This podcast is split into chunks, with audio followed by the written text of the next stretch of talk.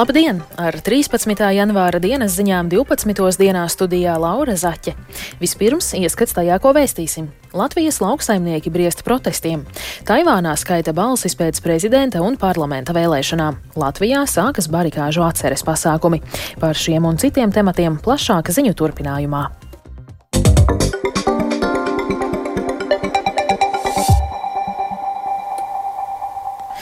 Iebilstot pret birokrātiju, nerisinātām krīzēm un laikā nesaņemtu atbalsta naudu, lauksaimnieki februārī gatavojas protesta akcijām. Šonadēļ plašas zemnieku protesta akcijas turpinājās Vācijā, bet drīzumā sagaidāmas arī Lietuvā. Zemnieki gan norāda, ka katrā valstī ir savs iebilžu fonds. Latvijā lauksaimnieku musināšanai pievienojušies arī opozīcijas politiķi.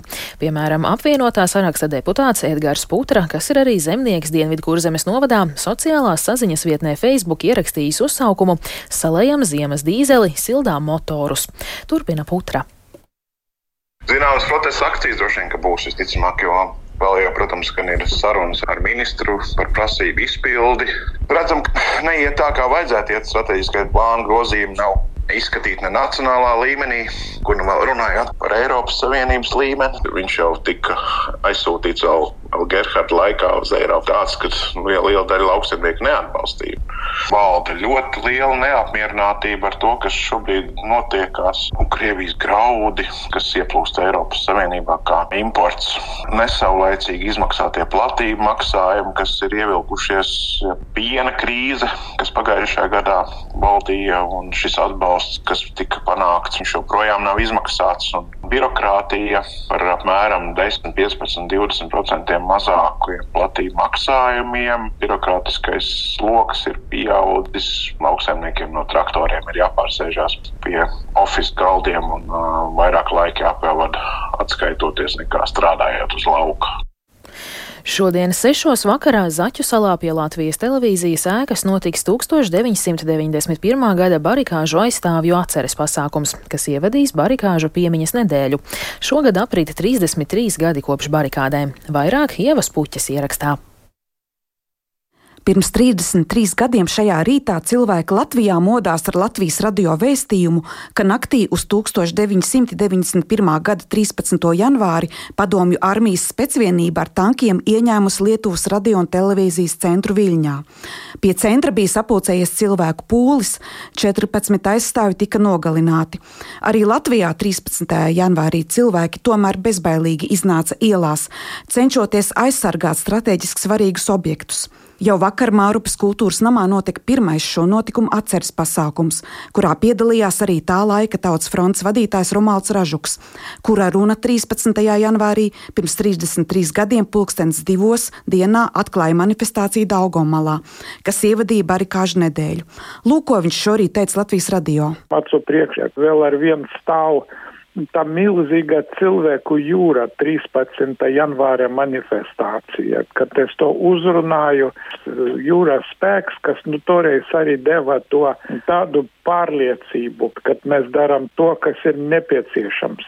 Jo redzēt, toreiz ne augstākā padome, ne ministru padome nebija tas, kas to lēmumu pieņemam. Mēs viņiem neprasījām, jo cilvēku grība aizstāvēt uh, Latviju neatkarību bija tik milzīga, ko es cenšos skaidrot jaunākiem cilvēkiem, ka būtiski, ja mēs to esam spējuši izdarīt, tad ja tas būs nepieciešams, jūs arī to spēsiet. Ir uzaugusi vesela paudze, kas barikāžu notikumus vairs neatceras, un tālāk ir svarīgi katru gadu par tiem atgādināt, saka Ražuks.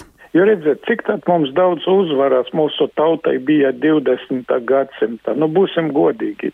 Nebija, tas bija nozīmīgās, bet to nebija daudz, bija daudz ciešanas. Jebkurš jaunietis, jebkura pasaules valsti, tātad mūsu latviešu jaunietis, var pastāstīt visiem ar lepnumu, kā mūsu vecāki, vecvecāki bez asins izliešanas ar šo milzīgo visos tautas vienotību, panāca neatkarības atjaunošanu. Es domāju, tagad, kad visur līst asinis, nemierīgi, kāri, tas ir kaut kas fantastisks, neatkartojams, un to nedrīkst aizmirst. Romualds Ražuks šovakar piedalīsies 1991. gada barikāžu aizstāvju atceres pasākumā, ko paredzējis apmeklēt aizsardzības ministrs Andris Sprūts, kultūras ministre Agnese Logina, zemkopības ministrs Armans Krause, kā arī 1991. Gada barikāžu dalībnieku biedrības prezidents Renārs Zaļais. Par to stāsta viens no pasākumu cikla barikādēm 33 organizatoriem Reinis Druvietis. Šodien jau Začusalā pulkstens 18. būs būs eh, barikāžu atceres pasākums tieši Latvijas televīzijas aizstāvjiem. Un tradicionāli arī šodien tiks aizkurināts ugunskurs aizdedzināts, un vairāk kā 200 jaunsargi dos savu svinīgo solījumu. Un liels prieks, ka jaunsargi piekrita kopā ar NBS štābu orķestri sagatavot sadziedāšanās programmu. Un šogad fokus ir dziesmotā revolūcija.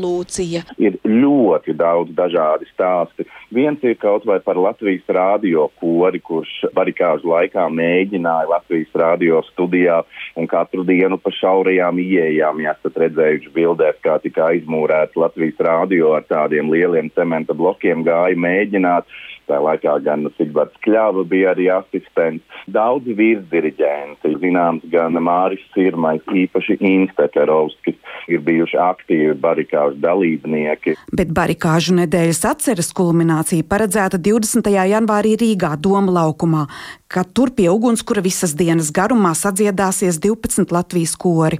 Ieva Puķa Latvijas radio.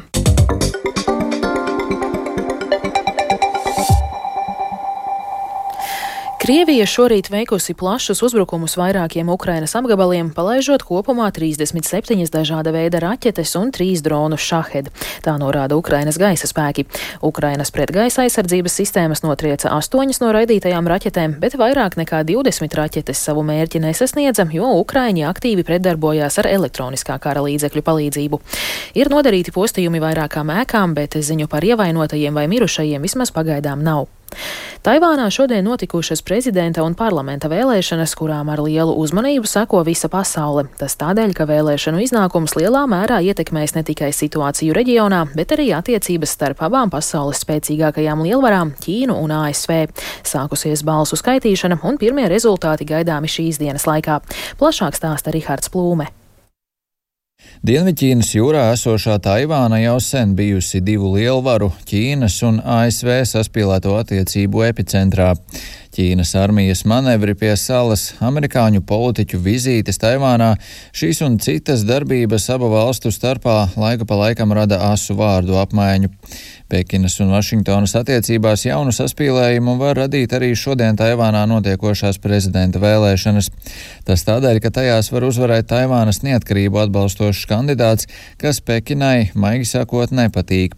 Ķīna salu joprojām uzskata par savas teritorijas sastāvdaļu un neizslēdz arī iespēju izmantot spēku, lai panāktu tās atkal apvienošanos ar kontinentālo Ķīnu. Par favorītu cīņā par prezidenta amatu tiek uzskatīts pašreizējais viceprezidents Lai Cindē. Viņš pārstāv valdošo demokrātisko progresīvo partiju un stingri iestājas par Taivānas neatkarību un par ciešu attiecību veidošanu ar Amerikas Savienotajām valstīm. 未来我当选总统。Ja man ievēlēs par prezidentu, es turpināšu iet pa demokrātijas un miera ceļu. Es būšu starptautiskajā brīvības un demokrātijas nometnē. Turklāt es mūžīgi būšu kopā ar Taivānas tautu.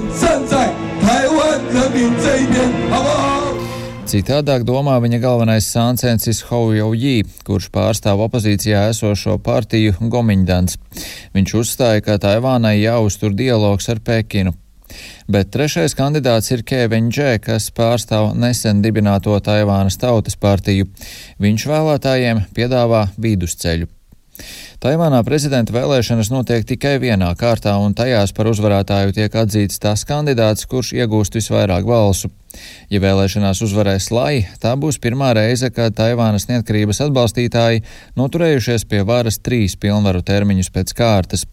Tāpēc vislielākās bažas rada jautājums, kāda būs komunistiskās Ķīnas reakcija uz demokrātiskās progresīvās partijas kandidāta uzvaru.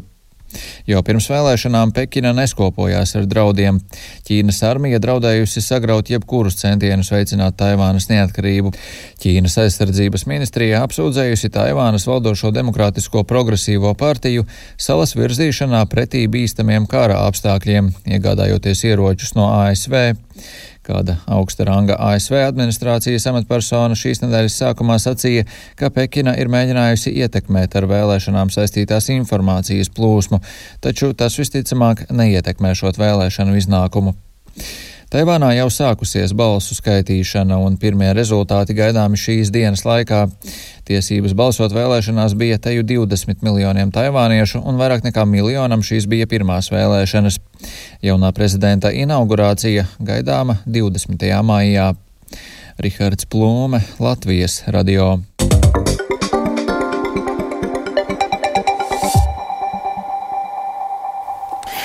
Par sportu. Latvijas un Baltijas labākā tenisiste Aļona Ostapenko piedalās Adelaidas 500 punktu turnīra finālā. Eiropas čempionātā daļslidošanā izvēles programmu aizvadīs Sofija Stepčenko, bet dažādos ziemas sporta veidos šodien notiek pasaules kausa posmi.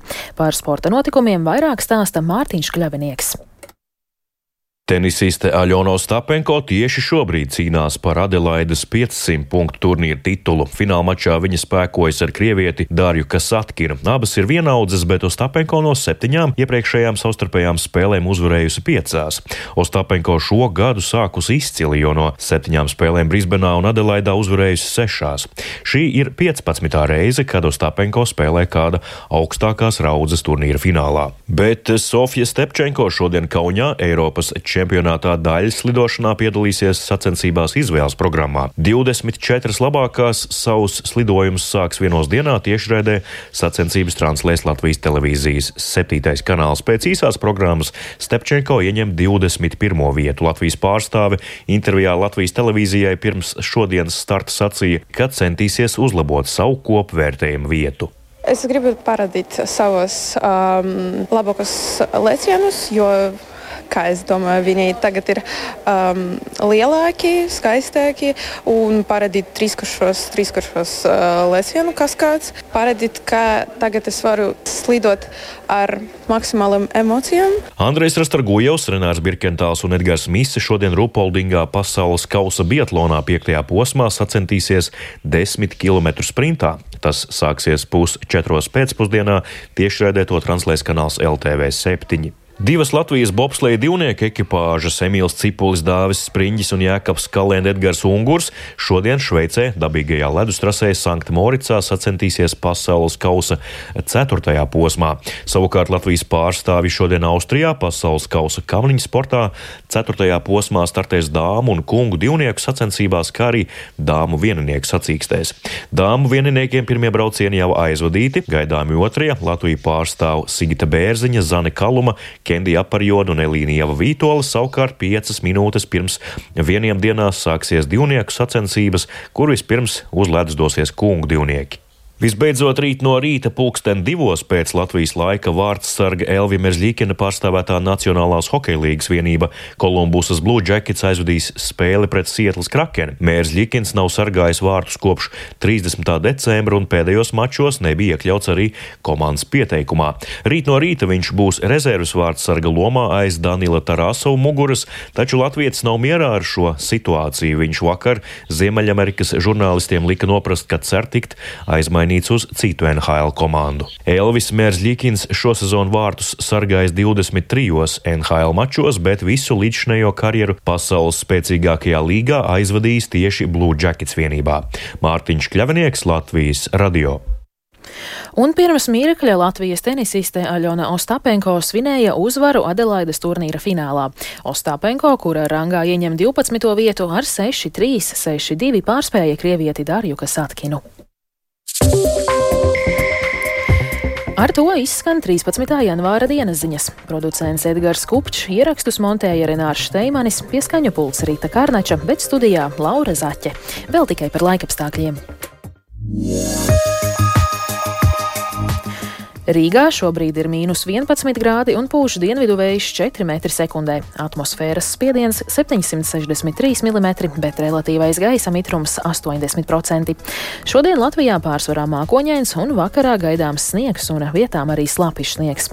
Pūš lēns austrumu puses vējš, kas dienas laikā iegriezīsies no dienvidu austrumiem dienvidiem 4,9 m2, brāzmās līdz 15 m2.